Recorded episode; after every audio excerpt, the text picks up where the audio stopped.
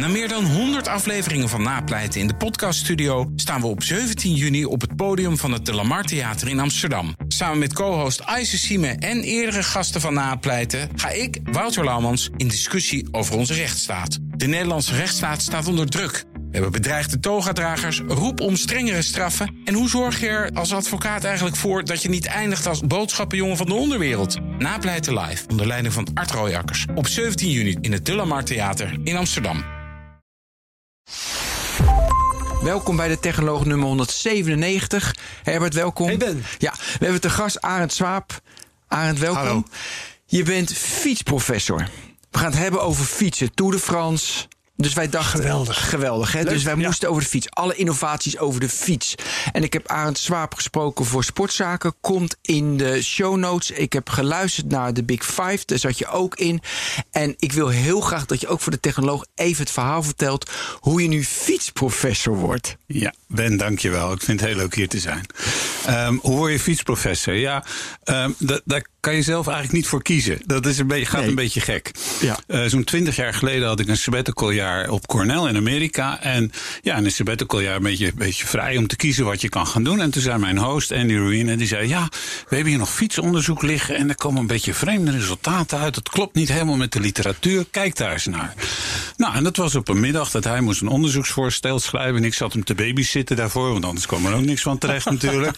En, eh, en een, eh, aan het eind van de middag zeg ik, nou ja, dat klopt wel. En die resultaten, dat komt wel met dat, maar dat niet. En toen zei hij, wat, heb je dat nu al? Ik zei, ja, dat is leuk gewoon. Dus vanaf dat moment...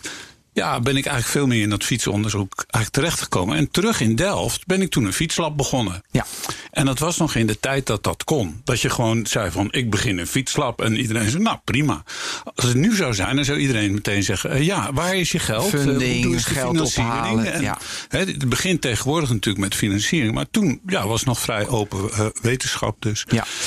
Even voor de mensen. We gaan het hebben over windtunnels. We gaan het hebben over stijfheid van fietsen. We gaan het hebben over waaierrijden, over afdalen. Klopt, hè? Over al die onderwerpen gaan we hebben. Dus de, hoe je dat wetenschappelijk zo uitdenkt. En dat je dus bijvoorbeeld in de Tour de France sneller afdaalt, beter in een waaier rijdt enzovoorts. Dat is het onderwerp. Ik heb nog een quizvraag. Eerste quizvraag. Wie, eh, wel- welke renner werd de professor genoemd?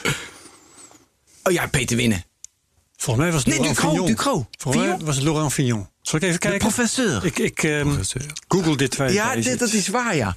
Oké, eh, eh, met welke zullen we... Oh ja, wat doet een fietsprofessor? Eh, een fietsprofessor die runt een lab, die kijkt naar de dynamica en besturing van fietsen. En dat kun je, kan je op twee niveaus toepassen. Eigenlijk op de consumer market, hè, op de fietsindustrie van da- dagelijks fietsen hier buiten. Ja. En op de andere sport, op sport. Dus dan gaat het over prestatieverbetering. En bij de consumer market gaat het vooral over veiligheid. Ja. Nou, wij zijn hier meer, meer van de sport. Ja, dat, dat komt door de hobby van Herbert Nick. Veiligheid is ook heel belangrijk, maar goed, weet je, dat kan gebeuren. En we willen voornamelijk dus de technologische hoek. Eh, nou, eh, met welke wil jij beginnen, Herbert? Laurent Fignon was het inderdaad. Ja, Laurent Fignon. Jan Jansen ook. Ja, ja joh, al die, al die wielrenners allemaal, Allemaal professor. allemaal professor, joh. Die zijn echt zo, zo intelligent. Nou, ik wil eigenlijk heel graag weten ehm, of het waar is dat de natuurkunde nog altijd het fietsen niet kan verklaren. Nou, niet kan verklaren is misschien te veel gezegd, Herbert. Maar het is wel zo dat het een heel lastig sommetje is. Het lijkt heel eenvoudig, twee wielen en een stuur. Je denkt, nou ja, zo moeilijk is het toch niet. Maar door dat rollend contact krijgt het is het een beetje een tricky probleem geworden. Waar heel veel mensen in allerlei valkuilen eh, stappen. Maar jij niet. Nee, ik ben daar gelukkig niet in gestapt. Dankzij mijn gastheer toen ook. Maar, eh, en, en, en, en dat was ook het leuke. Dus dat er wetenschappelijk ook ruimte was om te zeggen van... nou, eigenlijk, dit is het, eh, het model wat gewoon klopt. En die en die maken allemaal een beetje foutjes. Dat klopt niet. En plus dat veel mensen vanuit hun hobby altijd keken... naar die dynamica van de fiets. En dan, ja, dan legden ze het weer opzij. Want dan moesten ze weer met hun werk verder. En ik heb het geluk dat het gewoon mijn werk ook is. Maar verklaar het is natuurkundig. Wat wil je verklaard zien, Ben? Nou ja, Herbert zegt het is nog nooit verklaard. Jij zegt we zijn heel ver gekomen. Ja. Dus ik heb een Ja, ik- natuurkundige tegenover me en een professor. Dus leg maar uit. Ik ga er iets over vertellen. Wat heel frapperend is bij de fiets, is dat je op, twee, te, op een, een, lijn van contact hebt. Dus als je stilstaat, val je meteen om.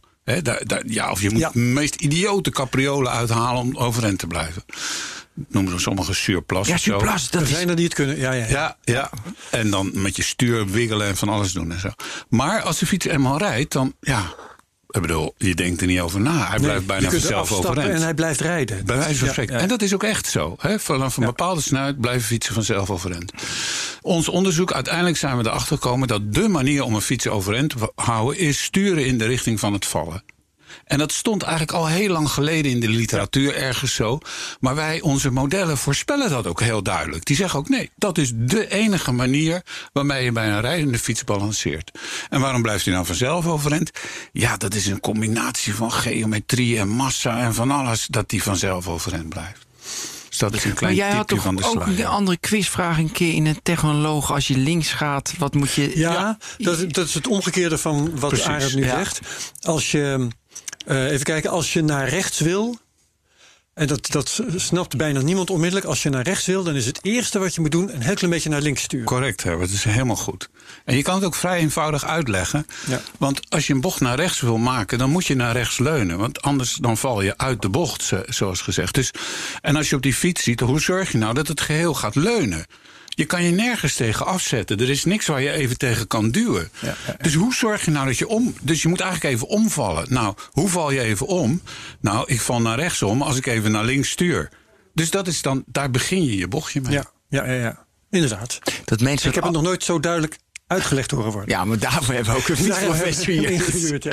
Ingehuurd, ja. Wel mooi dat mensen als gewoon gaan een beetje leren fietsen, leren gewoon fietsen. Ja, ja. Het is mooi dat dat achter zit. Eh, welk onderzoek vind je zelf het meest interessant in je rijke carrière? Nou, de fiets. Want ik heb natuurlijk heel veel hier opgeschreven. Die gaan we allemaal behandelen. Maar welke vind je zelf mooi? Wat vind ik zelf het mooiste? Ja, ik, ga dan nog eigenlijk nog steeds terug naar eh, die, die steer assist fiets die we, die we gemaakt hebben. Zo, dat is dus een fiets met een actief motortje die, die je helpt bij het balanceren. Ja, die autopilot. De, een soort autopilot, ja, ja, een of, ja steer assist. Ik, weet niet, je, kan, je kan er van allerlei namen bij plakken, maar... En ik verbaas me daar nog elke keer over als ik erop rij, hoe leuk het werkt. Ja, het klinkt misschien een beetje Misschien even simpel. uitleggen voor de Ga mensen even die, die het niet kennen. Eh, wij dachten van, nou, bij lage snelheid is een fiets niet vanzelf stabiel. En dan moet je als mens controle uitvoeren om te stabiliseren, om te, door te sturen in de richting van het vallen. En toen dacht ik, ja, maar kunnen we dan niet een klein motortje op de stuurinrichting zetten, die gewoon. Eh, en een sensor die merkt dat de fiets omvalt en dan in de, in de goede richting gaat sturen en je overeind houdt. Nou, dat noemen we steer assist. Dus dat is iets wat, wat je helpt. Ik bedoel, je kan het altijd overriden, maar die helpt je. Die geeft je een soort nudging van je moet, je moet even naar links sturen of naar rechts sturen. Sterker nog, hij is natuurlijk veel sneller dan jij bent. Ja. En, eh, en dat, dat is, blijkt gewoon een heel leuk systeem te zijn. We hadden allerlei ideeën van ja, hoe voelt dat dan? En als je dan een bocht omgaat, gaat het dan nog wel? En nou, dat vind ik dus Ja. nog steeds heel erg leuk. Dus er zit een soort gyroscoopachtig zit in je stuur en een motortje. En die stuurt gelijk weer terug als jij dreigt om te Ja, vallen. er zit een sensor die merkt de fiets is aan het omvallen. En dan zit er een kleine motor en die oefent Een stuurmoment uit. Een elektromotor op het stuur. En je kan daar tegen ingaan als je wil. Maar als je zegt go with the flow, dan, nou, dan, nou, dan balanceert hij gewoon. En, en nou, dat klinkt heel logisch. Waarom, Super. waarom is dit niet, niet standaard nu op meerdere fietsen? Daar zijn we dus mee bezig. Dus eh, vooral voor, voor ouderen zou het een ontzettend goed hulpmiddel zijn. Omdat daar, als we uit de ongevallenstatistieken kijken... daar gebeuren heel veel ongevallen mee bij lage snelheid. Het klinkt heel eenvoudig. Dit. Ja, Maar vaak, de mooiste ideeën zijn vaak eenvoudig. Maar ja het concept is eenvoudig. Uitvoering is nog wel lastig. waarom? Nou ja, omdat eh, eh, we proberen dat dan nu samen met de Gazelle en, en, en Bosch e-bike voor elkaar te krijgen. Ja, je moet. Eh, qua sensoren, eh, die sensor zit niet in de fiets, dus dat moet je zorgen dat het geïntegreerd is. Die motor moet je in die stuurkolom zien in te bouwen, in het stuur, zodanig dat die niet al te groot en lomp is. Het prototype als je nu ziet is, Ja. een, is een vreselijk lomp ding. Je hebt power nodig. Je hebt power nodig en soms heb je een beetje een peak power nodig. Dus dan, ja, die mensen van Bosch e zeggen dan ook... ja, maar ik weet niet of we dat op onze batterij wel willen hebben. En dan zeggen oh, maar ja, dan zetten we weer een capacitor ertussen. En dus ja, van idee naar uitvoering is altijd toch nog een hele stap. Ja. Hoe ver is het? Eh, Prototype 2 zijn we nu mee bezig, Ben. Ja. en, maar, en dan moet je nog 3, 4, 5, 6? Of denk je van, Nee dit is in nee, productie over twee jaar? Of, Prototype 2 is het ei- uiteindelijke prototype... en daarna zou je iets voor fabricage kunnen gaan maken. ja. Ja. Schiet mij een leuk probleem te binnen. Mag ik dat Arend even voorleggen? Natuurlijk. Jij vindt het vast ook interessant. Uit persoonlijke ervaring. Ik ben net een weekend in Sauerland geweest. En daar heb ik gefietst op redelijk belachelijke wegen. Met krankzinnige stijgingspercentages. Grof grind onder mijn banden. En dan rijd je heel erg langzaam. Tenminste, ja, ik rijd dan heel erg langzaam. Ik haal dan echt de 10 km per uur niet. Uh, dus dan ga je slingeren. Door het stijgingspercentage uh, en uh, het feit dat je toch kracht op de pedalen moet zetten, heeft je stuur bijna geen contact meer Nee. met de bodem. Soms zelfs helemaal niet. Ja. Terwijl je juist alleen nog maar door te sturen overeind kunt blijven. heb je net zelf gezegd. Hè, bij lage snelheid wordt het instabiel. Dus om dan weer even contact te hebben met de grond, moet je je snelheid nog verder verlagen. Of meer naar voren buigen, dat kan ook. Ja, maar dat houdt ook een keer op. Dus uh, leuk dynamisch probleem volgens mij om daar een soort automatische stuurcorrectie uh, voor te bedenken. Absoluut. Kun je dat voor mij? Nou, ter plekke kan ik dat niet. Maar ik, Nee. kan, ik begrijp het probleem het een beetje. En, je- en dat je- is het begin meestal van de oplossing als Ja. ik het probleem snap. Als je op zo'n fiets zit, Ja. dan doe je dat op een of andere manier automatisch. Ja. Maar je hebt geen flauw idee hoe je dat eigenlijk doet. Maar op een of andere manier kom je dan toch uiteindelijk uh, aan het eind van die helling en kun je weer normaal fietsen. Ja. Maar ja, het, uh, pas als je gaat proberen om te bedenken hoe je dat een apparaat kunt laten doen, Ja, kom je erachter wat je eigenlijk al die, al die tijd zelf aan het doen was. precies. Ja. ja, en de mens is wel heel erg slim, zeg ik altijd hoor. De mens is qua optimize is heel handig in zulke dingen. Vaak veel handiger dan machines. Ja, en, Ja. Dat, en dat ook zonder na te denken, zonder Ja, het ja. eigenlijke probleem te begrijpen. Maar het is wel zo dat je soms nieuwe skills aan moet leren. En ik heb daar een voorbeeld van. Ik was in Finland en daar had ik een fiets en, en het was sneeuw en ijs. En toen zei mijn gast hier, en ik had moeite om met die fiets door de bocht te komen. Want je gaat dan heel langzaam een beetje zo, niet te veel sturen. Want als je ga onderuit. wegslipt, dan is het gebeurd. Ja, ja, ja. Toen zei hij, oh, maar je moet driften. Ik zeg, wat? Ja, je moet driften. Dat is heel simpel. Hij zegt, je fietst gewoon op de bocht af. Dan blokkeer je achter, je zet je rechterbeen uit, dus je rechtsaf moet. Je blokkeert je achterrem. En, met, en dan ga je zo, drift je zo de bocht om. Oh, wat goed. En ik, heb, ik kan het nu. Ja, het is dat is heel echt leuk. gaaf. Jeetje, Vroeger toen ik klein was, heb ik urenlang met mijn crossfiets op het ijs. Zo leuk. En dan vol fietsen gezien, en dan remmen en dan... Die ene Astana-renner die in de bocht uh, onderuit ging, die ging hij, hij, wist niet in de bocht te blijven, maar hij ging dus wel driften. Ja. Ja. Gaaf gezicht. Oh, je was die toen tegen dat bord aanknalde Ja, ja, met zijn hoofd. Ja. dat was minder. Uh, hoe kom je, uh, dus dit is een voorbeeld, uh, stuurassist is een voorbeeld. Hoe kom je tot een nieuw voorbeeld? Boort dat in je, uh, in je groep op of zelf? Of... Uh, het komt, is Uit wel in de groep. Het is een groepsdynamiek. Want uh, ja, het is toch wel een. Uh, het, het is een kleine groep die echt ha- hardcore die bezig is met dynamica en besturing van fietsen. Dus op een wetenschappelijk gebied. En ja, je hebt veel contact met elkaar. Je spart met ideeën. Een ander voorbeeld daarvan is. We waren maar een paper aan het werken in Amerika met Jim en Andy. En we hadden even een break nodig. Dus we gingen een wandelingetje doen. En toen terwijl we wandelden, bedachten we. Ja, zou het niet leuk zijn als we dan een soort driewieler hebben. die dan ook kan En dan maken we veren erop. En dan kan je de, de stabiliteit instellen en zo. Dus we hadden het helemaal bedacht. Dat was de machine. Dus we kwamen terug en toen vertelde het aan Jim. Toen zei hij: Ja, daar kan je waarschijnlijk niet zo makkelijk de bocht mee om. En wat, wat, wat, Jim, wat is dit nu weer? En uh, nou, toen uiteindelijk van het ene concept naar het andere. Toen lieten we dus eigenlijk zien dat die zwaartekracht je ook heel erg helpt. Gewoon om de bocht om te gaan. En als je een neutrale fiets hebt die, die gewoon kan leunen in iedere stand. dan kom je de bocht niet meer om. Dat gaat gewoon niet meer lukken. Want je kan dat leunen gewoon niet meer uitvoeren. Nou, dus dat over ja, dat je ideeën hebt. Ja, je spart met mensen. Je, je ja. hebt plannen, maar dan blijkt het weer niet te kloppen. Maar dat genereert dan ook wel weer andere ideeën. Maar die fiets met een driewieler heb je hebt ook zo'n motorfiets drie wielen Ja, die dan zo, ik weet niet hoe die heet. Piaggio is dat. het merk, dan, maar Ja. er zijn er meerdere. Oké, okay, maar bij een fiets werkt dat niet. Ja, absoluut. Ja, oké. Okay. Nee, zou heel goed werken. Ja. Alleen wij hadden het idee om daar een veer in te zetten, zodat je een soort neutrale stand had. Maar ja, dat werkt dan weer helemaal nee, niet. Ja. Oké, okay, laten we even e eentje doen welke ik Ja? Fantastisch vind. Is dat waaierrijden, dat je dat had gedaan voor de Sunweb team. En dat je precies, ja, je moet het zelf vertellen, maar dat het te moeilijk was. Dat, voor, dat is de, heb ik plot al verteld. Nee, maar vertel over dat waaierrijden met het Ja. Sunweb team. Uh, nou, we hebben een langlopende samenwerking TU Delft met, uh, met Sunweb. Dat Ja. is hartstikke mooi. Uh, op het moment is het team iets minder qua prestatie. Dat is dan wel weer jammer natuurlijk. Maar hè, we, we, zitten steeds naar de toekomst te kijken. Van, we staan nu hier, maar waar gaan we naartoe? Nou, een van die dingen toen was de Team Time Trial. Dat was een nieuwe discipline die in de Tour de France, geloof ik, terecht kwam. Ze doen het al lang, Ploegentijdrit. Ja, sorry, doen ze al lang. Nederlands. Eh ploegentijdrit. Ja, hoe gaan we dat doen? En ehm, nou, ik kijk daar dan als een beetje als wetenschapper naar en denk dan, oh, dat is eigenlijk wel een heel erg leuk probleem. Want eh, ja, je hebt acht rijders en eh, ja, die hebben een bepaalde volgorde en eh, die hebben allemaal een verschillende vorm, dus qua allemaal verschillende weerstand. Ze hebben ook allemaal verschillend vermogen wat ze kunnen trappen.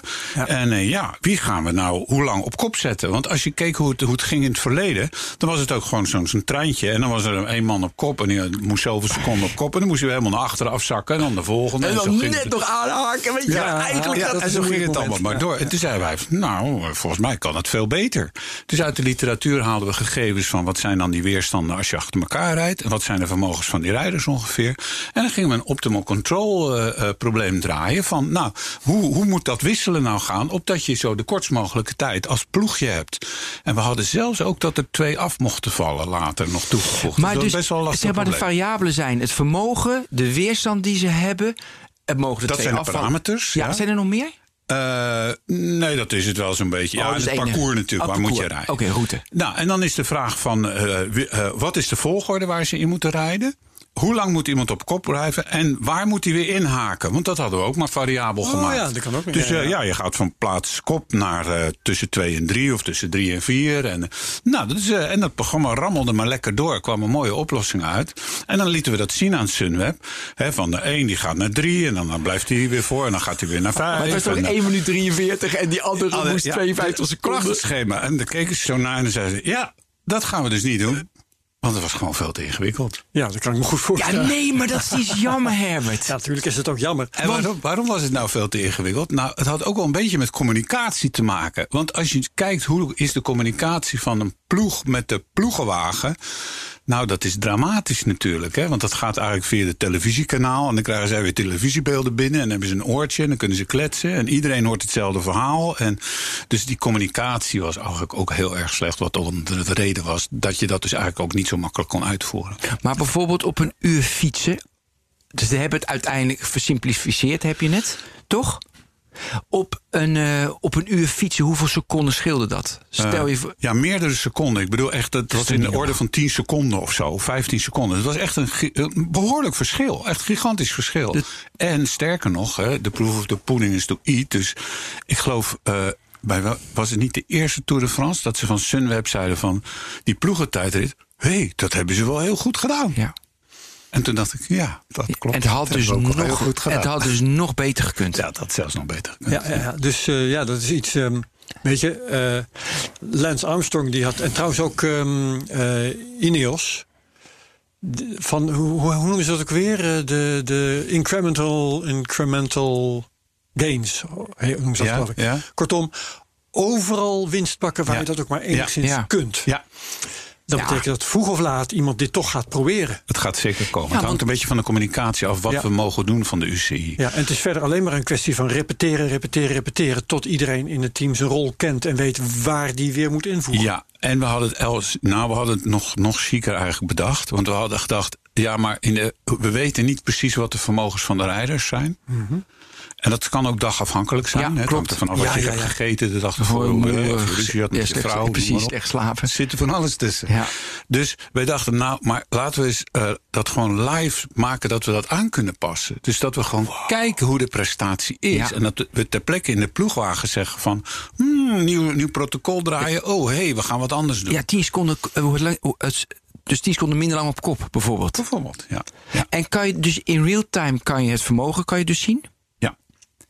En zo reken je uit en dan zie je weer. We kunnen zien wat iemand trapt. We, we kunnen we gokken natuurlijk wat de weerstand is. Dat is altijd een beetje de grote onbekende. Mhm. Uh, maar we kunnen zien wat het vermogen is, wat iemand aan het trappen is. Dus aan de hand daarvan kan je het dan je schema weer aanpassen. He- eh, eh, dus, dus klopt het dat als er een wielrenner weg is en ze zien van joh, die is al, die heeft zoveel vermogen getrapt. Dit wordt kansloos, laat je maar af. Eh, zwakken. Wordt een koers ook zo bepaald dat ze gewoon naar het ver- vermogen kijken of het nog zin heeft om door te gaan of niet? Dat weet ik niet Ja, ik, ik ben namelijk een keer betrokken geweest bij een project van Ja. Giant. Ja. En dan was de theorie, is, het was de theorie, dus ik weet niet hoe ver ze nu zijn. Dat dus letterlijk een tablet in je auto. Ja. Zoveel vermogen trap je. Het peloton rijdt ongeveer zo hard, dus het vermogen in het peloton zal dit zo gegenereerd zijn. Eh, het parcours loopt zo, de wind gaat tegenstaan. Eh, laat maar zitten. Ja. Of, hey, jij gaat het redden vol door. Ja. En dan gaat dus de ploegleider dat dus bepalen. Dus Ja, nou, dat wou ik net zeggen. Dat is precies waar, als je de Tour volgt... waar Maarten Ducro bijvoorbeeld altijd op afgeeft... dat een wielrenner op die manier alleen nog maar... een leverancier van vermogen is. Ja. En verder doet hij wat hem gezegd wordt. Ja. En of het daar leuker mee wordt, dat weet ik niet. Hoe kijk Ja. jij ernaar, Arend? Nou, die kritiek heb ik ook wel vaker gehoord. En eh, voor een deel eh, kan ik het ermee eens zijn natuurlijk. Je wil natuurlijk geen robotfietser worden... waarbij Ja. je gewoon maar opdrachten krijgt en het maar moet executeren. En als het niet lukt, dan word je gewoon in de berm gezet. Van nou, pech, eh, de, de, de motor is stuk. Eh, aan de andere kant vind ik wel... ik vind het heel erg spannend om, om tech- technologie en zo te- in te gaan zetten... om die marginale verbeteringen voor elkaar Ja. te krijgen. Dus ik vind het wel heel erg leuk als je zegt... ja, maar die communicatie is heel slecht. Waarom gaan we die niet gewoon gebruiken... om tot een betere prestatie te komen? En dat hoeft nog geen eens te betekenen dat je dan een robotfietser wordt... maar dat je gewoon met actuele informatie... gewoon een nieuwe strategie bouwt. Maar nog even over die communicatie. Dat is inmiddels toch wel opgelost. Want dat is Nee, de regels zijn heel streng. hè, Oh, de de re- UCI. het kwam niet door de regels. Ja.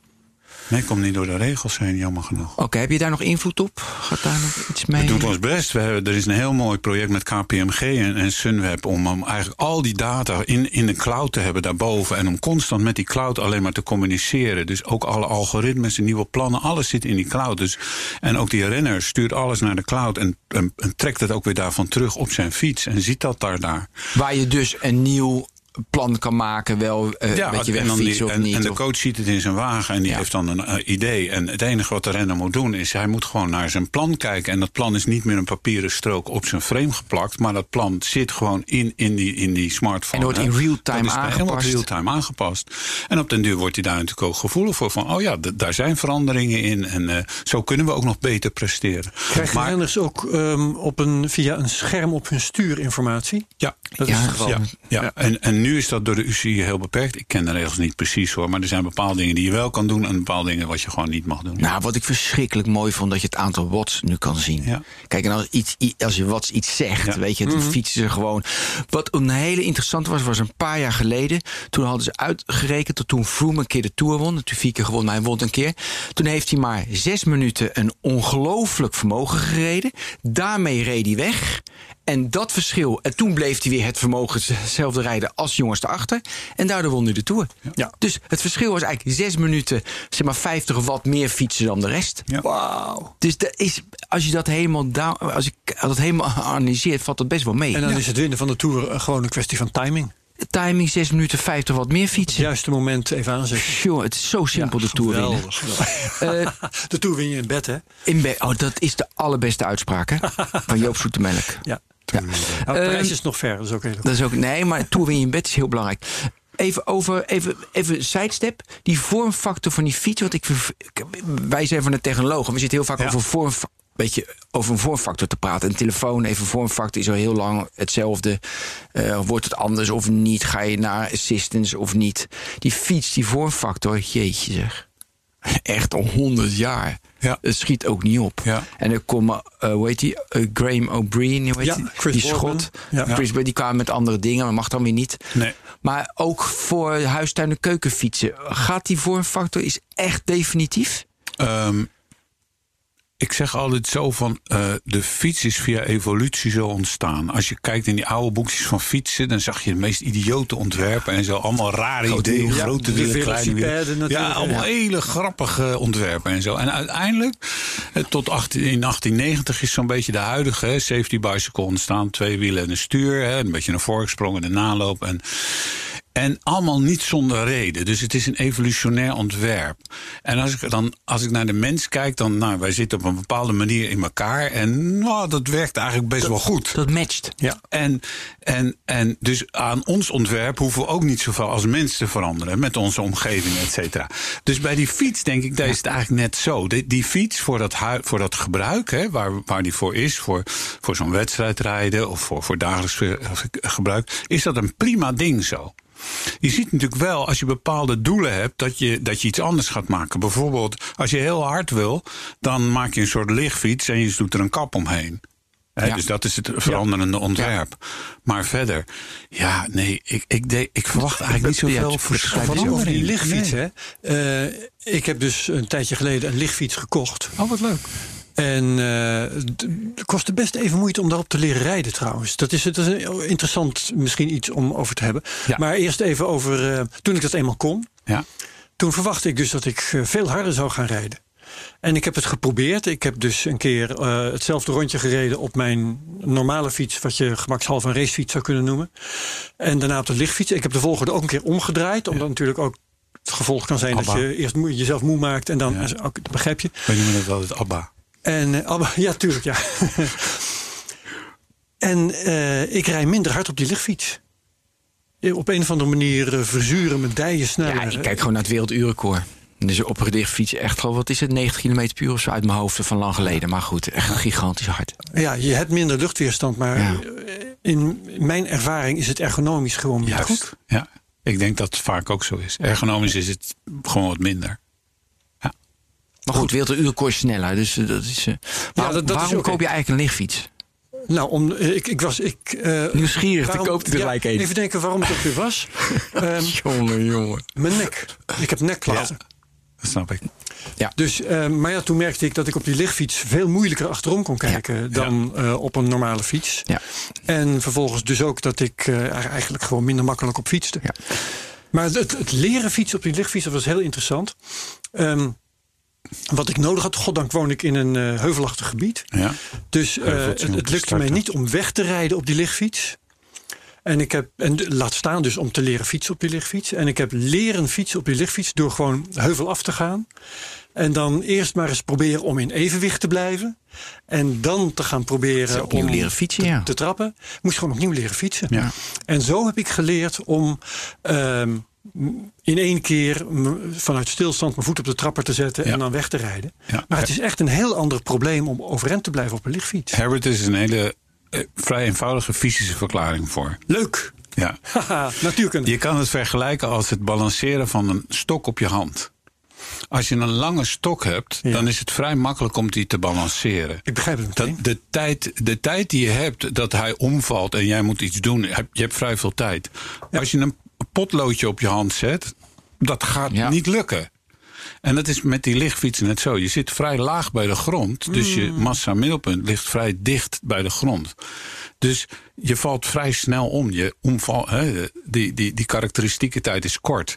Terwijl als je hoog zit, dan is het veel makkelijker. Dus zo'n velocipede, zo'n, Ja, ik denk- is eigenlijk best heel makkelijk om Ja. op te fietsen. Dat, iedereen denkt dat het heel moeilijk is. maar dat Opkomen is, moeilijk. Opkomen, Maar ja. opkomen is Ja. moeilijk. Er, ergens op staan. Oké, we hebben het toch over fietsen, over vormfactoren. Even over de snelste fiets ter wereld. Want die heb jij ontwikkeld. Nou, ik mocht eraan meehelpen. daar ben jij verantwoordelijk voor. meehelpen. Dat was heel erg leuk. Dus Ja, we hadden zo'n dreamteam in Delft... eh, die dan aan die challenge meedoen, daar in, eh, op Battle Mountain. En eh, ja, dat was gewoon een lichtfiets eh, met, met een, een, een fairing eromheen. En we wilden dat eh werelduurrecord verslaan. Nou, 130 km per uur of zo. Ik weet het Oh, is het al veel hoger? Ja, ja, prima, Ja, prima. dit, 132 km per uur of zoiets. Ehm, en hoe verslaan we dat nou? En toen zijn, is dat team na gaan denken. En ik mocht daar ook eh, aan deelnemen. Toen zei ik, nou, volgens mij moet je gewoon een hele grote motor in dat ding zetten. Dus eh, de neiging was nu om, om een vrij kleine atleet te nemen. En daar gewoon een, zo'n klein mogelijke fiets omheen te bouwen. En dan denk ik, nou ja, dan, dan hè, zo min mogelijk weerstand en zo. En de, weer- de weerstand is natuurlijk wel belangrijk. Want daar fiets je tegenin. Maar je moet ook wel een goede motor hebben. Ja. Dus ik dacht van, nou weet je wat, dan nemen we zo'n grote motor. Dus we, een van, eh, qua fietser hadden we nog niet zo'n motor, maar er was een, eh, gewoon een roeier. En dit was, die was een enorme grote sterke vent. Maar Theo En, eh, Bos heeft er ook aan mee. Ja, ja, ja, Oké, oké. dat komt nog. Ja. Eh, nee, dat weet ik niet op hoofd. Maar, en dus die, die, die, die roeier, die, die is toen gaan trainen om in dat ding te fietsen. Je moet wel trainen, hè, zoals je zelf al zei. Je moet daar wel heel erg aan wennen, ook aan die verschil in houding. Ja. Dus we hebben ook een stationaire opstelling gemaakt, zodat je niet fietsend, maar gewoon als een soort home trainer kan testen om je vermogen zo maximaal te leveren. Hmm. En eh, nou, tezamen met een goed ontwerp van die fiets heeft dat tot het eh, verslaan van het werelduurrecord Ja. ge- ge- geresulteerd. Ja. Ja, maar Theo Bos, die ex-schaatser, Ja, heeft die heeft ook nog... Die, dus dat is in dat team, maar die, die faalde natuurlijk. Die Roei heeft toen gewonnen, of hij faalde niet. Ik weet het niet uit mijn hoofd. Ja. Het was een mooi verhaal. Maar het feit dat ze in de Tour en dergelijke wielerwedstrijden niet op lichtfietsen rondrijden, dat uh, heeft dus uh, vooral met de reglementen te maken. Ja. Eigenlijk zouden ze daarmee harder kunnen rijden, zeg ja, jij. denk het wel. Ja, het, heeft ja maar het bewijs is er ook, want er was een Fransman die heeft toen met, uh, jaren geleden met de Tour de France meegereden op een lichtfiets. En vanaf dat jaar daarna werd het meteen verboden. En dat zou ook moeten gelden, want het gaat mij dan even om de theorie. Hè? Um, klimmen. Ik heb gemerkt dat als je uh, een heuvel oprijdt op een lichtfiets, dat is bijna niet te doen. Ja. En dan kun je wel zeggen dat ik uh, niet lang genoeg geoefend heb. Ja. Maar Ja. uh, het heeft ook te, het voordeel van de lichtfiets zit in de luchtweerstand. En dat Ja. is dan minder belangrijk. Dat is dan Ja, ja, precies. Je gaat minder hard. Helemaal, ja, eens. Dus dat betekent dat het in de Tour misschien in de bergen helemaal niet zo geweldig zou uh, werken. Nee, maar wat ik dan wel zo wel. leuk, leuk vind is in de afdaling zie je dan Ja. dat mensen ineens die... Gaan, we die- nu, gaan we nu de, nu de afdaling doen? Wat Ja je ik, wil. dacht, ja, ik dacht eerst Ja, ja. Koga Kinzai. Ja, maar dus, ga- laten we het eerst over de Kinzai hebben, Ja? dan daarna hebben we het Ja, over oh, we hebben het over snelle fietsen, Ja. lichtfietsen. Ja. En de Kinzai Ja, is de snelste. Gaan we het over de Kinzai, ja. Oké, eh 35% stijve, 15% lichte, 24% minder luchtweerstand, baanfiets. Als je daarop fietst, de- da- dan dat de wereld wordt anders. Weer Arend ontwikkeld. nou, niet alleen. Het Jawel. hele mooie is dat het natuurlijk een, een multidisciplinair project was. Hè. Die ACL-groep die, van, die die Koga's maakte... en die vroeger de, de fiets van de vorige fiets leverde. Ik weet de naam al niet meer van die fiets. Nou, die, eh, die, de, de, die, die zei van ja, ze, de baanwielrenners willen een nieuwe fiets. En toen was de vraag, waarom willen ze een nieuwe fiets? En toen zeiden ze, nou, omdat ze een nieuwe fiets willen.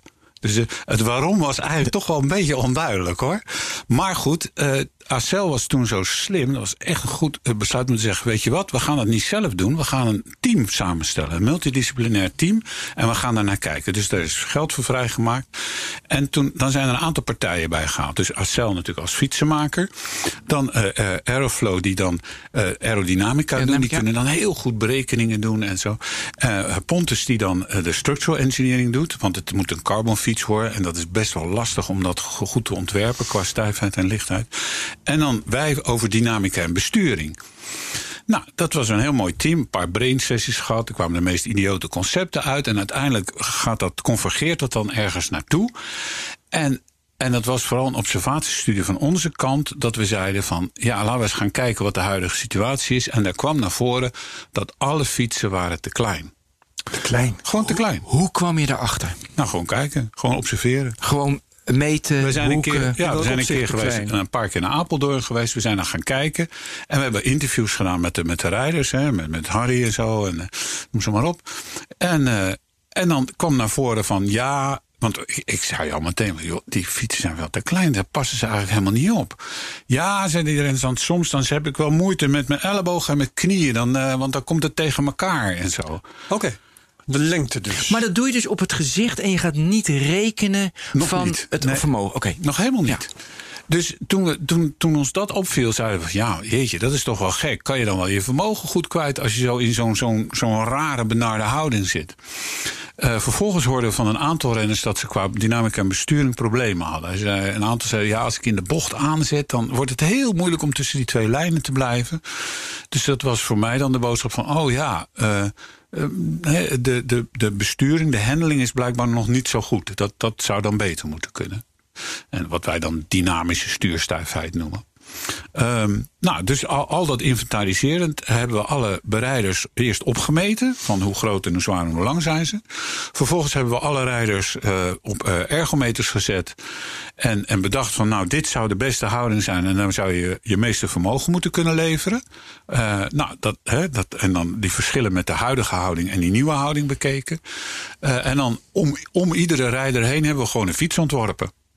Dus eigenlijk zijn het voor alle rijders individuele fietsen, Fietsen geworden. Maar, het, ja, fiets, maar het kenmerk was vooral dat alle fietsen werden, werden verder allemaal groter. En dat was ook grappig, want die, die bereiders, hun eerste reactie was: Oeh, een grote fiets. Maar het gewicht nou, bleef het, hetzelfde. het gewicht is zelfs minder geworden. Minder, precies. Ja. Ja, dus ook Het gewicht is minder goed geworden, maken. Ja. doordat Pontus heel goed stuk engineering Ja. heeft gedaan. Plus dat de luchtweerstand ook nog veel minder is geworden. Omdat die ma- mannen van, van die eh, Aeroflow ontzettend goed hun werk hebben gedaan. Hebben wel naar concepten gekeken huidig, maar gedacht ook stromingsberekeningen eh, eh, erachter zijn gekomen dat die, die voorbouw en die integratie met het frame dat dat veel beter kan. Hoe beter? Hoe hebben ze dat anders gedaan? Andere vorm ook? Of? Ja, het is vooral de, de voorbouw is het allerbelangrijkste, want daar komt de lucht natuurlijk Ja. op af. En, en verder moet je ervoor op. Dus daar, daar de integratie van het stuur met het frame is heel anders gemaakt. Dan kan je die verschillen met de oude en de nieuwe fiets wel heel Ja. goed zien. En er zijn op details aan de achterkant dat er nogal veel loslating van stroming was. Ja. Daar zijn details gewoon Ja. veranderd. Hey, en dan bereken dus, oké, die fiets was groter voor ze, zoals ze konden meer vermogen kwijt. Ja. Eh, maar bijvoorbeeld een hoofd naar beneden of omhoog. Bereken je dan ook van, joh, je moet zoveel mogelijk je hoofd naar beneden. Want dat zie je ook in de tijdrit eh, in de Tour. Kan je daar iets, iets over zeggen? Nou ja, over die ideale houding. Daar worden, uiteindelijk zijn er A, rekenmodellen van. Van dus dat je antropomorfe hebt die dus in die houding in, in, in dat rekenmodel zitten. Vervolgens heb je windtunneltests waar je gaat meten. Ehm, voor Sunweb hebben we ook zoiets gedaan. Hè, met, met kleding voor, eh, voor Tom Dumoulin toen. Toen hij nog bij Sunweb zat. Dus een hele pop gemaakt en, en in de windtunnel gezet. Hè, in, in de juiste houding. Nee, houding is zeker heel belangrijk. En maar reken ook van, ik doe mijn hoofd eh, zeg maar 20 of 50 procent naar beneden. En Ja. dat scheelt dan weer. Ja, En hoeveel scheelt dat dan? Mensen willen gewoon getallen ik nu weet horen. ja, ik ken de getallen niet, sorry. Maar dat scheelt echt. Het scheelt aan, eh, enorm. Ja. En daar heb je ook ergens een optimum, neem ik aan. Hè? Want eh, je moet eh, zo lang mogelijk dan naar beneden kijken. Maar je moet ook wel een bepaald minimum aantal momenten naar boven kijken. Om ervoor te zorgen dat je, nog- niet in een put rijdt of iets Ja. dergelijks. Nee, maar goed, als je dat natuurlijk op de baan is het natuurlijk helemaal makkelijk. Dan moet je, want dan kan je bijna. Oké. En die en die stijfheid. Weet je, het is altijd wel mooi. Want ik zat, hey, ik heb mijn racefiets weg naar het Wat? Het grofvel. Ja, echt spijt van. Oh, wat het een handgemaakte fiets, echt dom. En ik fiets. Hals. Ja, is echt dom. Is echt dom. maar goed, ik fietste dus nog alweer tien jaar geleden. stuk, Toen dacht ik, jeetje, wat fiets dat? Hoe maak je veel snelheid? Omdat het natuurlijk veel stijver is dan een, dan een normale huistuin- en keukenfiets. Kun je daar iets over zeggen? Kan je onbeperkt stijf of zit daar een optimum? Hoe- Kun je daar iets Nee, over dat, is echt, dat is echt iets voor die structural engineers. Hè, Ja. voor die, eh, om, om te zeggen van waar gaan we het materiaal weghalen en waar gaan we het stoppen. Ja. Dat, is- dat is steeds de keuze. Hè? Want ja, je kan wel steeds materiaal toevoegen en dan wordt hij stijver. Maar dan wordt hij ook weer zwaarder. Dus, Ja. En, en ja, dat is hun expertise gewoon. Daar zijn ze goed in. Daar hebben ze rekenmodellen voor. Maar ook meten. Hè? Want eh, eh, die rekenmodellen hebben ook zo hun beperkingen. Dus je moet altijd een prototype maken. En altijd in die bank inklemmen. En altijd weer gaan meten. En dan zie je ook altijd wel weer verschillen. Maar ze zijn daar gewoon heel erg Ja. goed in. En de psyche van die wielrenners, dus dat ze hebben van, want je zei van, je zeiden allemaal te klein, ja, die fiets is te groot, de psyche boep naar beneden. Ja. Het is ook heel veel moraal natuurlijk. Ja. Nou, dat was best ook wel moeilijk in het begin. Want ik dacht, oh jee, als dat maar niet de beperkende factor gaat worden. Van, oh, oh zo die grote lompe fietsen en zo geworden. Nou, lomp niet, want ze waren niet zwaar. Mhm. Maar, eh, nou ja, gelukkig eh, heeft ook dat geweldige team ons geholpen. Want het zijn natuurlijk hele goede renners, die Olympische baanfietsers. En ze hebben meteen met die fiets hebben ze WK gouden medailles eh, gereden. Hè? Ja, dus, dan is het snel voorbij. Als En dan je is het één keer meteen in een voorbij. pak hebt, ja. En ik was eh, daarnet ook, dat merk je in gedachten eigenlijk toch meer op de weg dan op de baan. Maar dat die fietsen te klein zijn, is dat op de weg ook het geval? Of was dat alleen op de baan het geval? Weet ik niet, want daar heb ik nog nooit naar gekeken Nee. op de weg. Ja, maar En- dan zou jij zo naar ook- kunnen ook- kijken. Wat zeg je? Nee, maar dan zou jij zo naar, als je op Ja. de baan landt. Ja, dat is wel interessant dan. Zeker. Ehm, en hoe is het zo gekomen? Want ehm, dat, dat die fietsen uiteindelijk te klein zijn geworden, dat is best raar. Omdat je verwacht dat als op een gegeven moment eh, iemand een fiets kleiner maakt of zo, dan kan zo'n renner moeilijk zeggen: ja, dat gaat beter, want het gaat namelijk slechter. Nou, ik denk dat. eh, ik- Ik vermoed eigenlijk dat het komt vanuit het idee eh, de lichtste fiets. Er is altijd een, een, een quest, een, Ja. een, een, eh, eh, hoe noem je dat? Een eh? Zoektocht. Zoektocht geweest naar de lichtste fiets. Iedereen wil een zo licht mogelijke fiets. Hè? En, en, en dat ze een keer een, een extra gebakje hebben gegeten, dat, dat telt niet. Maar dat die fiets dat er een paar gram af is, dat telt wel. En ik denk dat het in, in, in, in, ja, in die wereld zit ongeveer. Ja. Een leuk verhaal trouwens. Eh, ik weet niet waar. Ik denk dat ik het uit de renner heb van Tim Krabbe. Dus het schijnt dus een renner te zijn geweest. Waarschijnlijk waren het er wel meerdere. Die eh, gewend waren om eh, als de finish naderde, dan dronken ze hun bidon leeg. Ja. hadden ze minder gewicht. Dat is een hele bekende. Dat is een hele goeie. Ja. Dit is een hele bekende, ja. heel. Mooi. Heerlijk. Eh, nog meer over die Koga-fiets. Kunnen we daar nog, dat nog uitdiepen? Ik denk even aan de banden. Is dat gewoon, eh, zit daar maximum aan? Ja, bij die band. Ik wil het liever bij het, van nu de Tour de France en over de banden hebben. Ja? Want wat- daar is me wel wat opgevallen. Ja, mooi. Nou, wat mij opvalt eigenlijk eh, bij die fiets, dat we naar een heleboel aspecten kijken. We kijken naar gewicht en naar stijfheid en, en, en, en, en, en houding en zo. Maar ehm, de bandenkeuze hebben we het eigenlijk nog niet zo over gehad. En ook het idee van. Want, en dat begon eigenlijk met de Olympische Spelen in Zuid-Amerika. Waar was het? Eh, Rio. Rio. ja. Rio. Ehm, daar is dat meisje toen vreselijk gevallen in de Annemiek afdaling. van Vleuten. Ja. En, en, en ik dacht altijd van, ja, waarom, waarom zetten we nou niet andere banden op die fiets bij Ja, de ja, afdaling? dat denken heel 1 veel mensen. Een wetenschap. En, en, en, en niet, Droogweerbanden, natweerbanden. ja, en, en niet, niet zomaar banden, maar echt gewoon eh, substantieel andere banden. Want er wordt nu al gesproken over dat je regenbanden hebt. En bij de laatste Tour de France hadden ze het erover. Ja, maar ze hebben regenbanden gemonteerd. Maar nog ging iedereen vreselijk onderuit. Ja. En, en naar mijn, ja, in, in mijn humble idee eh, moet dat gewoon veel beter kunnen. En ook de voordelen die je volgens mij hebt om bij een afdaling goede grip te hebben, eh, zijn Oh. enorm, denk ik. Ja. Ja. ja. Zeker in de natte Dus dan zou je dus, als je banden... Zou je dus van, van, eh, dus van fiets of banden moeten wisselen? Ja, ja. Ja, want als je boven bent. weer, superlicht, eh, af- superlicht, afweging. superlicht als je naar boven gaat. ja. Als die regenbanden zwaarder zijn, dan wil je ze natuurlijk niet op je fiets hebben als het droog is. En Precies. omgekeerd. Ja, en- maar hoeveel meer weerstand ze nou hebben, dat valt eigenlijk best wel mee. Eh, nou, allereerst begint het ermee dat het, het hele onderzoek van banden ligt altijd bij de eh, bandenfabrikanten op het moment nog. Dus he, dat is allemaal in-house en we horen er helemaal niks van. We weten er niks van en ieder is op zichzelf bezig. En er is eigenlijk heel weinig bekend over, over die fietsbanden.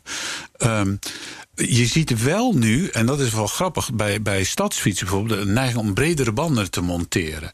En dan denkt iedereen, oh, die hebben ook meer rolweerstand. Maar dat hoeft helemaal niet. En dat merk je ook wel. Dus dat, dat gaat eigenlijk best wel goed. En je ziet ook bij, bij eh, e-bikes en speedpedelecs ook steeds vaker die Ja, maar is het echt zo? Heb je dat berekend? Of? Nou, je kan zelfs zo uitrekenen dat eigenlijk de rolweerstand misschien zelfs nog wel eens wat minder zou kunnen zijn. Omdat eh, als je een hele smalle band hebt, dan is het contactvlak vrij lang gerekt. En dan, eh, en dan zal de, de weerstand, dat is waar grijpt het, de, de, de resultanten van de contactkracht aan, die is een beetje uit het midden en dat is je rolweerstand. En als je een lang contactvlak hebt, ja, dan zal die verder uit het midden zijn dan dat je een beetje een cirkelvormig contactvlak hebt. Aan de andere kant zeg je ja, bij cirkelvormig contactvlak heb je nogal wat zijdelingse verliezen die je niet meer terugwint aan, aan, aan vervormingen. Dus ja, het is een beetje om het even. Er, is, er, er wordt niet zoveel onderzoek naar gedaan en dat vind ik zelf wel heel erg jammer. Mijn handen jeuken om, om iets aan banden te gaan, fietsbanden te gaan. Nou, en, ja, ik ja, en Ja, we zijn al begonnen, maar we hebben nog een bedrijf nodig. Ja, maar dat lijkt me ook. Want ik kijk, ik denk, ik denk aan de Formule 1, alle Ja, Pirelli, precies. helemaal alle onderzoek Ja. zit daarin. En ik denk nu Pirelli gaaf, want zij doen al die banden. Dus je kan je voorstellen. Nou ja, dat- ik heb iets, eh, er komt waarschijnlijk iets met Pirelli aan binnenkort. Maar nou, we moeten het maar even afwachten. Nou, ze zijn echt, zouden dom zijn als Pirelli niet vol in het fietsen stapt. Want het is een hele grote markt. Ja. Wielrennen, niet normaal. En ik heb geen belang. Eh, uiteraard niet. Even, maar weet je, ik fietste bijvoorbeeld mijn banden altijd zo hard mogelijk op. Altijd sliks. Weet je, dat is de, de, zo min mogelijk. Dat heb ik toch goed gedaan? Of had ik alles gewonnen als ik dat anders had gedaan? Hangt een beetje af van wat het type wedstrijd was. Gewoon je- een criterium. Als je gewoon vlak moest rijden met allemaal maar geen afdalingen, waarbij, je, Ja. waarbij eigenlijk het niet zo belangrijk was dat je, dat je goed lateraal contact hebt in, in bochten en zo. Nou, dan is dat helemaal Prima. goed. Helemaal goed. gelukkig. Oké, dus daar is winst te behalen. We hebben het nu over afdalen gehad. Ja, en nu komt er een theorie. De afdaaltheorie. Je hebt toch onderzoek gedaan hoe je moet afdalen? Want je ziet ze tegenwoordig natuurlijk allemaal helemaal in de fiets zitten. Ja. Dat is één ding, maar er is nog iets. Nou ja, we- wij, eh, een van de projecten die we hebben is hoe je kan, kan je nou veilig en snel afdalen. Dat is de grote vraag. Hoe, hoe moet je dat nou doen? En, eh, en eh, Sunweb had vooral de vraag van, ja, we hebben renners die zijn, dat zijn gewoon geen, geen, geen goede dalers en anderen wel. En dan, ja, hoe trainen we ze? Nou, dan zeggen we, nou, eh, rij maar achter hem aan. Nou, hij weet hoe het moet. Ja, rij maar achter hem aan. Wat doet hij dan? Geen idee. En dan probeer je hem te volgen. Dan of je dondert uit de bocht of zo, of je doet Ja, iets anders. dan ga je harder rijden dan jij Dus kunt. ja, dat is natuurlijk geen echte trainingsmethode. Dus wij dachten van nou, Oké, eh, dat willen we wel doen. We willen best wel feedback geven hoe je moet afdalen. Maar dan moeten we eerst maar eens uitvinden van hoe daal je dan zo goed mogelijk af. Dat is echt wetenschap. Eerst maar eens gaan meten wat is er aan de hand. Dus hebben we een eh, eh, fiets genomen, me- hebben hem uitgerust met sensoren, dat we alles kunnen meten. Waar rij je op de weg? Hoeveel leun je? Hoe hard ga je? Hoeveel stuur je? Wat is eh, jouw positie? Wanneer rem je? Eh, nou, en daar hebben we met, met de ploeg aantal in een, op een testafdaling van wat was het, een minuut of hebben we metingen gedaan. En dan de, de, de snelle vergeleken met de langzame. Van wat is nou het grote verschil? En eh, ja, dat was toch wel een verrassend resultaat. De snellere, die remmen minder. Ja, dat, Ja. eh, dat wisten we ook wel. maar wat bleek nou? Zij, zij waren veel beter in dat remmen uitstellen... en dan heel erg hard laten remmen. Waren er gewoon heel goed in. Nou, dus dat, en qua ideale lijn deed iedereen al ongeveer zo'n beetje hetzelfde. Dus dat vertelt ons van, oh, we hebben dus blijkbaar een feedback-instrument nodig om de berijder te vertellen van, nou, nu moet je gaan remmen. Of je hoeft nu nog niet te remmen. En dat, dat is eigenlijk voor de toekomst het idee dat we zo'n soort eh, augmented reality voor de training willen geven aan, aan, ri- aan rijders. Ja. Om, om zo te gaan trainen tijdens een afdaling. Oké, dus de, maar dan om die angsten Ja, ja. te overwinnen. Want het, naar ons idee heeft het ook met angst te maken op een bepaald moment. De een is gewoon minder bang dan de ander. En die moet dat overwinnen op een of andere manier. Want je kunt die kennis op twee manieren toepassen, volgens mij. Eh, wat jij nu zegt, zo te horen, dat is... je gaat eh, die eh, ideale, niet alleen de ideale lijn... maar ook de ideale rem, timing enzovoort... ja, Ja, ga je met ze oefenen voor bepaalde afdaling dan. Ja, Hè? Dan moet je ja. een bepaalde afdaling gaan, gaan oefenen. En dan kun je dat in de vingers krijgen. Maar je kunt het ook real-time doen. Want ik heb net gehoord, die wielrenners hebben een schermpje. En je kunt ook op dat schermpje gewoon vertellen... daar moet je rijden en nu moet je remmen. Klopt. Ja, dat, dus dat zou een En dan modaliteit zijn om die, fietser weer de robot. Ja, ja dat, dat, dat kan. Maar tijdens de rit mag het sowieso eh, niet. eh, heb ik begrepen. Maar goed, eh, Ja, en dat dan het weet je het ook vaak niet. Want dan heb je toch afdalingen. Weet je, je kan niet. Ja, sommige afdalingen wel. Want die zijn bekend natuurlijk als je de auto is Je kunt niet de- allemaal honderd keer doen. Nee, Nee. voor ons was het in eerste instantie hebben we het alleen bedoeld als trainingsinstrument. Van hoe kunnen we die mensen die er nog niet zo goed in zijn, op een veilige manier gaan trainen? Ja. Ehm, ja, je zou het ook bij een wedstrijd in kunnen zetten als, als, als, adviseur van, hè, aan, aan de renner. Maar het is best wel vanzelfsprekend. Want ik denk aan de Formule 1. Ik weet niet of jullie ooit autoracen hebben gedaan. En dat zegt als iemand naast je zit, die zegt alleen maar nog niet remmen, nog niet remmen. En als je niet bocht, dan moet je ineens vol remmen. Ik heb een keer naast, naast iemand denk ik, nou, ik ben dood. Dat denk je echt.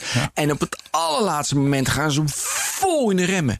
Dus Max Verstappen, die, die moet dus, zijn rem is zoveel weerstand. Dus 120 kilo moet hij in één keer wegdrukken. Dus het is ook op het laatste moment. En dan gaan ze door die bocht.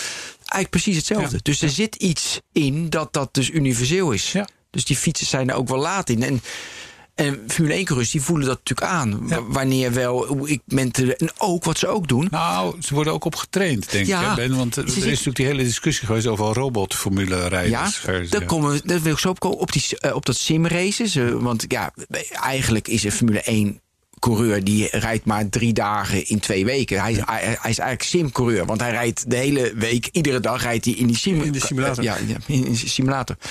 Eh, oh ja, dat wilde ik zeggen. En het is natuurlijk ook met Formule 1, ja, omdat ik dat toevallig weet, daarom vertel ik dat. Het is ook hoeveel procent je remt. Dus bij sommige bochten rem jij op 83% van wat je moet remmen. En sommige 86%. Dus hoe hard. Ja. Weet je? En dat moet je ook aanvoelen. Formule 1 heeft natuurlijk banden die gaan stuk. Dat heb je met wielrennen nog niet. Maar ik denk als we dat door-evalueren... dan rem je je banden en je remblokken kapot. Kun je nog iets vertellen over die remmen, denk ik ineens? Want ze hebben, ze hebben tegenwoordig natuurlijk schijfremmen. Ja, eh, Is dat nog... eh, Nou, daar hebben we nog niet zoveel naar gekeken. Ik, eh, ik kijk wel naar schijfremmen en, en velgremmen, maar dan vooral vanuit de consumer market dat ze erg piepen. Ja. dat de klant klaagt van, eh, eh, ik heb hier een dure erbij. fiets, maar, ze- maar mijn remmen piepen. En dan zegt de fabrikant, eh, ja, ik, ik weet niet hoe ik dat op moet lossen. En dan soms monteren ze maar andere remblokjes in de hoop dat het helpt. Wij hebben een- een- nu een heel mooi onderzoek lopen waarbij we kijken van, ja, maar waar, waar dat piepen wordt gemaakt bij de remblokjes, maar hoe wordt het afgestraald en waar komt het geluid dan terecht? En, nou, en zo proberen we tot een oplossing te komen. Dat is wel heel erg leuk. Kun, kun je er iets over zeggen waar het geluid vandaan komt? Nou, we, we hebben gezien dat. eh, we, we, we dachten, nou, misschien straalt het wiel het geluid wel af of zo. Maar het blijkt dat de voorvork vooral het, het geluid afstraalt. En in een soort torsiemode. Ja, dat hadden we ook Oh, helemaal niet verwacht. Ach- Achteraf zeg je. Echt een stemvork. Ja, ja, precies. Achteraf zeg je, nou ja, dat, dat klinkt eigenlijk ook wel logisch dat dat zo gebeurt. ja. Nou, vervolgens moet je dan gaan verzinnen hoe kunnen we het dan verbeteren zodat het geen geluid, niet dat geluid zo afstraalt. Ja. Dat is dan weer een volgende stap. Maar, Ik heb dat uit het peloton nog nooit gehoord. Dat, eh, Nee, die echte, dat piept niet, nee. dat die remmen krijsen als ze de bocht omgaan. Nee, nee. Ik vind het soms wel fijn hoor, want ik heb er nu, ik rijd natuurlijk, ik ben de eh, ge- gelukkige eigenaar van een heel vloot met fietsen waar ik elke keer wel op kan gaan rijden. Van oh, nou pak ik die eens en wat leuk. En ook die piepende fiets heb ik ook wel eens een tijdje op gereden. En het is wel leuk, want het is een soort bel. Als je wil wil aan Ja. zeggen, Oh ja, van, precies, hier kom ik aan, dan knijp je even je Ja. rem eh, en dan iedereen, wat is Ja, het? ja precies. Dat is, wel, dat is wel handig. Dus even over- de, over de afdalen. De bedoeling is dat een Formule 1 coureur zit in een simulator. En de afdalen, een wielrenner, die gaat dan in een simulator Ja. zitten. En dan leert hij afdalen. Absoluut. Is dat al gemaakt?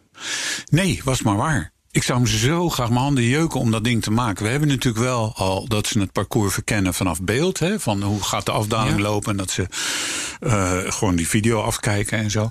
Maar eh, ik zou het heel mooi vinden als je gewoon een stationaire opstelling had. Waar je gewoon kan trappen. En eh, dat, je, beeld, dat je ziet Maar waar hoe maak je dat gaat. realistisch? Want als je die haarspelbocht ingaat, dan krijg je natuurlijk allerlei G-krachten en je moet leunen en noem maar op. En Ja. hoe simuleer je dat? Nou, we hebben nu in Delft een fietssimulator staan. Mhm. En ik zeg altijd dat is de fietssimulator met de emmer.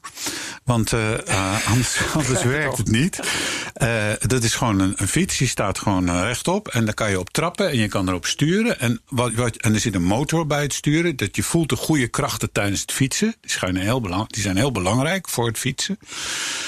Je hebt zo'n augmented reality bril op. Zo'n Oculus Huppeldepup uh, Ja, virtual reality. Virtual reality. En en dan, en dan, dan, dan klopt alles, hè, als je om je heen kijkt en zo. En dan ga je trappen. Nou, gaat allemaal prima. En als je dan een heuveltje opgaat, dan voel je in je maag van... oeh, ik ga de heuvel op. Terwijl dat ding staat gewoon stil, hoor. Er gebeurt niks. Maar op het moment dat je de bocht omgaat... dan ineens ga je leunen op dat ding. En, en dan, ja, dan word je misselijk en alles raakt in conflict... met al je sensoren en er klopt niks van. En je hebt de emmer nodig. Ja. Dus daar zijn we nog gewoon mee bezig om daar beweging, hè, wat jij zegt, je wil die G-krachten voelen, je moet kunnen leunen. Wat heb je Eh, daarvoor nodig? We hebben daarvoor nodig een beweeg, klein bewegingsplatform, wat we redelijk snel kunnen eh, regelen. Dus eh, qua beweging kunnen, kunnen je moet aansturen. een helling aanbrengen om de versnelling te. Ja, we moeten laten een helling aanbrengen om de sne- versnelling te kunnen neppen. En, en, en, en dan moeten we er ook voor zorgen dat je vestibulair orgaan niet al te veel roet in het eten gooit. Dus ja, het is een heel open onderzoeksonderwerp. Zeker ook omdat als we kijken hè, weer naar de autosport of naar de auto-industrie, autosimulatoren, vluchtsimulatoren, die zijn ook nou, behoorlijk goed, maar ook nog niet helemaal goed. Eh, een van de problemen is bijvoorbeeld afstand en snelheid schatten in een simulator. Autosimulatoren bijvoorbeeld. Dat is een bekend probleem. En daar is ook nog steeds de oplossing niet voor. Dus het is wel een heel uitdagend iets. En wa- wat, is, wat beperkt je hele tijd? Is dat heet het geld? Geld. Ja. Ja. Ah, daar word ik ook gek van. Ja. ja. Nou ja. Ja, beperkingen zijn ook goed, want dan word je creatief, snap ik. Eh, je zag een paar jaar geleden bij de Tour voor een proloog... hadden ze een virtual reality bril op, heel hip... en dan gingen ze het parcours bekijken. Ik zie niet meer, omdat het naar mijn idee waarschijnlijk niet werkte. Ja, Hey, we- zou we- kunnen. weet je iets meer van? Ja, weet, je, Weet ik niks van. Nee. Als je dat geld niet beperkt was en je had onbeperkt budget... Wat zou je, waar zou je er nu onderzoek naar doen en wat zou je dan verzinnen? Als ik dat had, dan zou ik een aantal dingen willen doen. Ik zou, eh, zowel in de consumer market, zou ik wat meer bezig willen zijn over ehm, ja, op- en afstappen bij fietsen. Dat gaat nog steeds vreselijk verkeerd. Daar gebeuren heel veel Ja. ongevallen. En dat is gewoon een heel lastig probleem. Daar zou ik gewoon mensen en geld op in willen zetten. Ja. Ik Ja. weet de oplossing niet. En daarom zeg ik, dat, dat is echt heel, ligt heel erg Welke open. denkrichting heb je? Inderdaad, ik zit... Nou, ik heb wel een denkrichting. De, het idee is dat die fiets, die kan leunen en sturen. En als die stilstaat, kan die dat ook. En dan heb je dus een apparaat met, met twee bewegingsmogelijkheden. En dat is heel moeilijk te, te, te behappen. Stel dat je dat stuur even vast zou zetten... dan, dan heb je alleen maar een ding wat maar leunt. En dan is het misschien wel makkelijker om op te stappen en te beginnen bewegen. Maar zo gauw die beweegt, moet dat stuur weer los Ja. zijn. Dus een beetje in die richting. maar ik richting. weet het niet. Het, is, het ligt heel open. Ja. Ja. Ik vraag me nog wel af, ehm, omdat je net zei, eh, geld is de meest beperkende factor. Ehm dat ging volgens mij nog over de, de topsport. Nee, voor het hele onderzoek Nee, toch? Oh, want, hele want, onderzoek eh, precies, want ik dacht, waarom, hè, als elke seconde miljoenen waard kan zijn, waarom is geld dan eigenlijk een beperkende factor? Maar dat is dan niet de goede vraag, blijkbaar. Binnen, ja, dat die geldstromen binnen de topsport, dat, dat is weet ik moeizaam, niet precies hoe dat gaat. Dat is heel lastig. Nee, nee. Ze van weten natuurlijk pas achteraf dat je, dat je secondes Nee. kunt winnen. Weet je wat je naar mijn idee moet nou doen? Precies. Ja, mijn weet ik veel, maar goed. Maar. Het, nee, maar het, het R&D-budget van Pirelli gaat natuurlijk heel erg naar de Formule 1. Ja. Dus als het R&D-budget een gedeelte van Axel, van Vredestein, van Pirelli, van eh, Pon, eh, ik noem even een paar fietsenmakers en een paar bandenmakers, van Shimano. Als je dat in combinatie doet met een TU Delft, met een professor fiets, weet je, dan zeg je niet dat het dan effectiever is, maar dan krijg je wel andere. Ik, kijk, er zitten nu gewoon eh, eh, jongens vieze handen te maken bij Pon en Axel. Die gaan ook iets verzinnen. Je kan dat, je kan dat uitbreiden met drie eh, promovendi en zo, naar mijn idee. Ja. Nou ja, die, die aanzet is al een aantal jaar geleden begonnen natuurlijk met de la- langlopende samenwerking met Sunweb die we hebben. Ja. Dat is het eerste. En daar zijn dus ook mooie projecten uitgekomen, Ja. waar ik nu zo over verteld heb.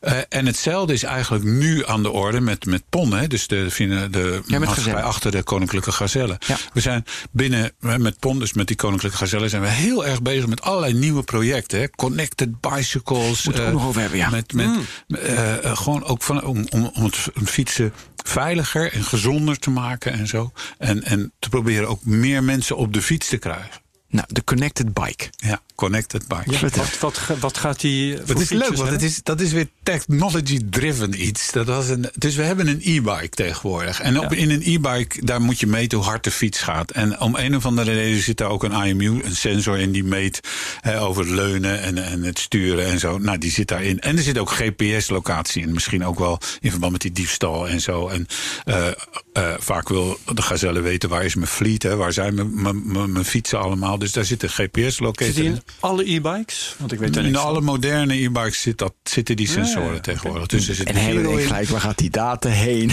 Ja, ja, nee, maar dat is ook een mooi punt. Er zit een gyro in, een accelerometer zit erin, een snelheidsmeter natuurlijk voor de voorwaartse snelheid, een temperatuurmeter, waarom weet ik ook niet, en een GPS-locator. En, en een torque sensor natuurlijk van hoe hard je aan het trappen bent, maar dat is voor die ondersteuning. Nou, met al die sensoren tezamen kan je zeggen van, hé, hey, maar kunnen we daar niet meer mee doen? Kunnen we niet, kunnen we niet, we kunnen dan niet uitvinden waar is de fiets op dat moment? Eh, kunnen we dan niet eh, helpen om bijvoorbeeld snelheidsbeperkingen wat ma- makkelijker op te leggen? Hè? Geofencing doen. Eh, je hebt prachtig een speed pedelec, maar in de stad Ja. mag je niet harder dan 30. Klaar. En dat gaat vanzelf. Wordt de, erop sup- zetten, ja. wordt de support, gaat de turbo naar eco toe. En dat is het dan. Dat zijn natuurlijk technologisch heel interessante dingen. Maar ook vanuit veiligheid van... eh, eh, voertuigen kunnen nu hè, met de Internet of Things... kunnen met elkaar praten, zien waar is iedereen. En zo ook bedenken van wat is een veilige route. En oh ja, nee, meter ga afstand nou maar niet hier naartoe... want het is hier veel te druk en veel te Ja. gevaarlijk. Ik heb filmpjes gezien met stoplicht. was natuurlijk een, een future filmpje. Ja, maar nou, dat is, dat is nu is realiteit, hè? Want er is een eh, traject tussen Amsterdam-Zuid en Schiphol gelegd. Ja, Herbert. Ja, en dat is met BAM en Gezellig gedaan. En dat is met intelligente stoplichten en, en, en fietsstoplichten. Vrijheid. En alle, alle, alle rambam zit er allemaal in en zo. Om, om, ervoor, om te laten zien van, nou, die commuters, die mensen op, naar, die naar Schiphol gaan, die kunnen ook best wel op de fiets komen. En dat kan ook best wel snel. Zo. Ik dacht dat je ging vertellen dat die fietsen niet meer voorbij een rood stoplicht eh, wilden. Dat zou ook wel heel mooi Nee, ze zijn. gaan gewoon op grond. Ja, maar dat, ja, dat doe ik tegenwoordig. maar goed, de, zelf, de- ja. de- het is een beetje gimmickachtig of echt Nee, al? helemaal niet gimmickachtig. Nee? nee, nee, vind ik helemaal niet. Nee. Nee, ik heb nooit... Nee. Waar- Waarom vind ik het niet gimmickachtig? En dat heeft ook met regelgeving te maken. Ehm Speed Pedelec, dat begon heel enthousiast hè, in Nederland. Totdat eh, ineens die apparaten de weg op moesten en niet meer op het fietspad mochten rijden. Ja. En ik begrijp wel waarom. Omdat je snelheidsverschillen hebt. En die snelheidsverschillen zijn gewoon gevaarlijk. Ja. Zeker op zo'n wegdeel als het fietspad. Dus je wil allemaal uniforme snelheid hebben. En dat wordt dan opgelegd door te zeggen van... nou oké, als je dan harder kan, dan moet je maar op de weg. Maar het gekke is natuurlijk dat we bij zulke soort voertuigen... de snelheid aan het voertuig ophangen en niet aan het wegdeel. En we moeten eigenlijk een soort shift maken in denken en zeggen: nee, een wegdeel heeft een maximum snelheid. Een aantal rijders mogen daarop en die moeten zich gewoon aan die snelheid houden. Toch? Ja. En dan kan je zeggen: op het fietspad mag een fietser, een brommer, alles mag erop. Als je maar niet harder dan 25 gaat. Ja. En dan zegt iedereen meteen: ja, maar hoe ga je dat dan handhaven? Hè? Amsterdam is een voorbeeld ervan met de snor, eh, snorscooters of wat was het eh, op het fietspad. En ik geloof, handhaving is wel redelijk gelukt nu. Maar nou, nee, ze moesten de weg op. Ik weet het verhaal allemaal niet. Maar handhaving was een groot, groot probleem. Maar die, die technologie kan je daar dan weer bij helpen. En, en het heeft tot effect gehad, die speedpedelec op de weg, dat die dingen helemaal in populariteit zijn gezakt. En dat is jammer, want voor het commuten is dat een geweldig apparaat. Want je kan in een, als je nu 20 of 25 kilometer van je werk rijdt, woont, kan je zo met zo'n speedpedelec daar naartoe rijden. Binnen, binnen hè, dat tijdslot wat je bereid bent om aan, te- aan reis te Maar als op allerlei wegen of paden eh, die speed pedelec niet meer harder wil dan 25 km per uur, dan Ja. worden ze toch weer minder populair, maar dan duurt het toch weer langer over. Nou, die test heb ik dus zelf gedaan. Dat is wat het zei. Het is zo leuk. We hebben allerlei soorten fietsen staan. Dus dan zeg ik van, nou, dan pak ik eens die. En dan kan ik dus ook eens proberen hoe dat is. En nu rijd ik dan op zo'n speedpedelec. En ik woon in Rotterdam, in het centrum.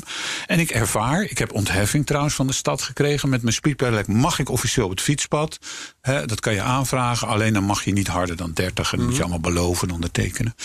Maar gewoon om te ervaren, hoe is het nu om zo te fietsen in de stad met een voertuig wat harder kan, maar je gaat niet harder. Je Ja. doet het niet.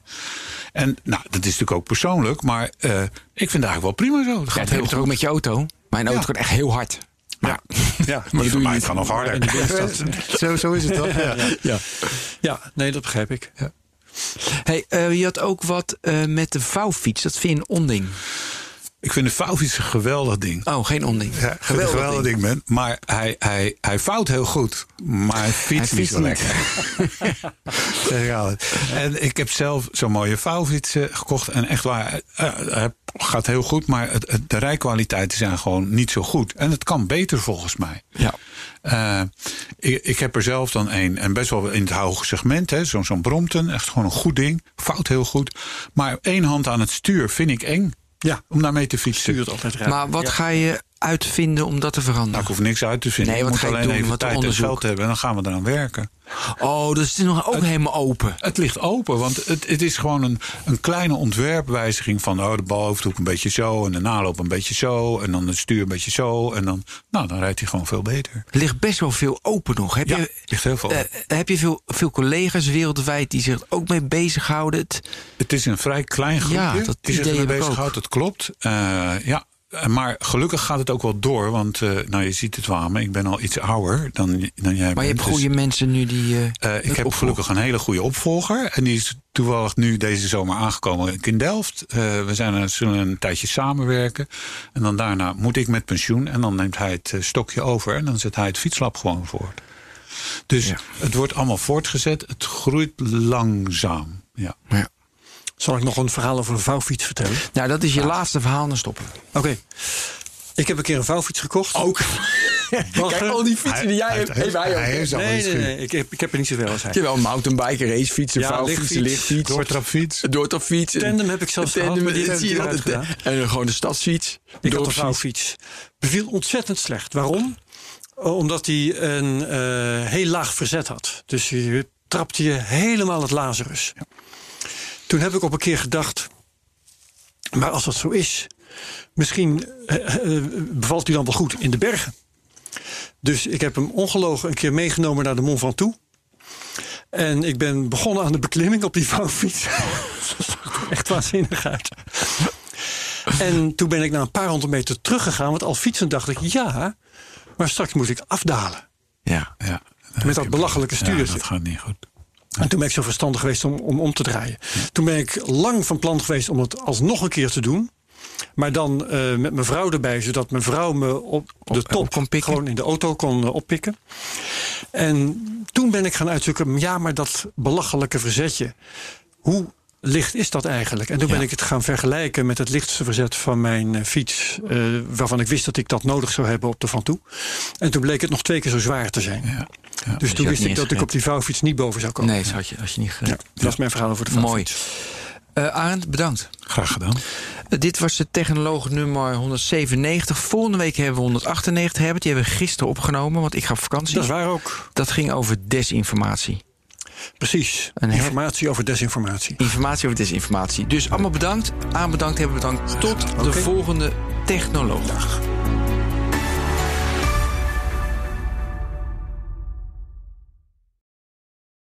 Ook Hugo Reitsma vind je in de BNR-app. Superhandig die BNR-app. Je kunt alle programma's live luisteren, breaking nieuwsmeldingen. Je blijft op de hoogte van het laatste zakelijke nieuws. En je vindt er alle BNR-podcasts, waaronder natuurlijk de belangrijkste, Boeken zijn in de wijk.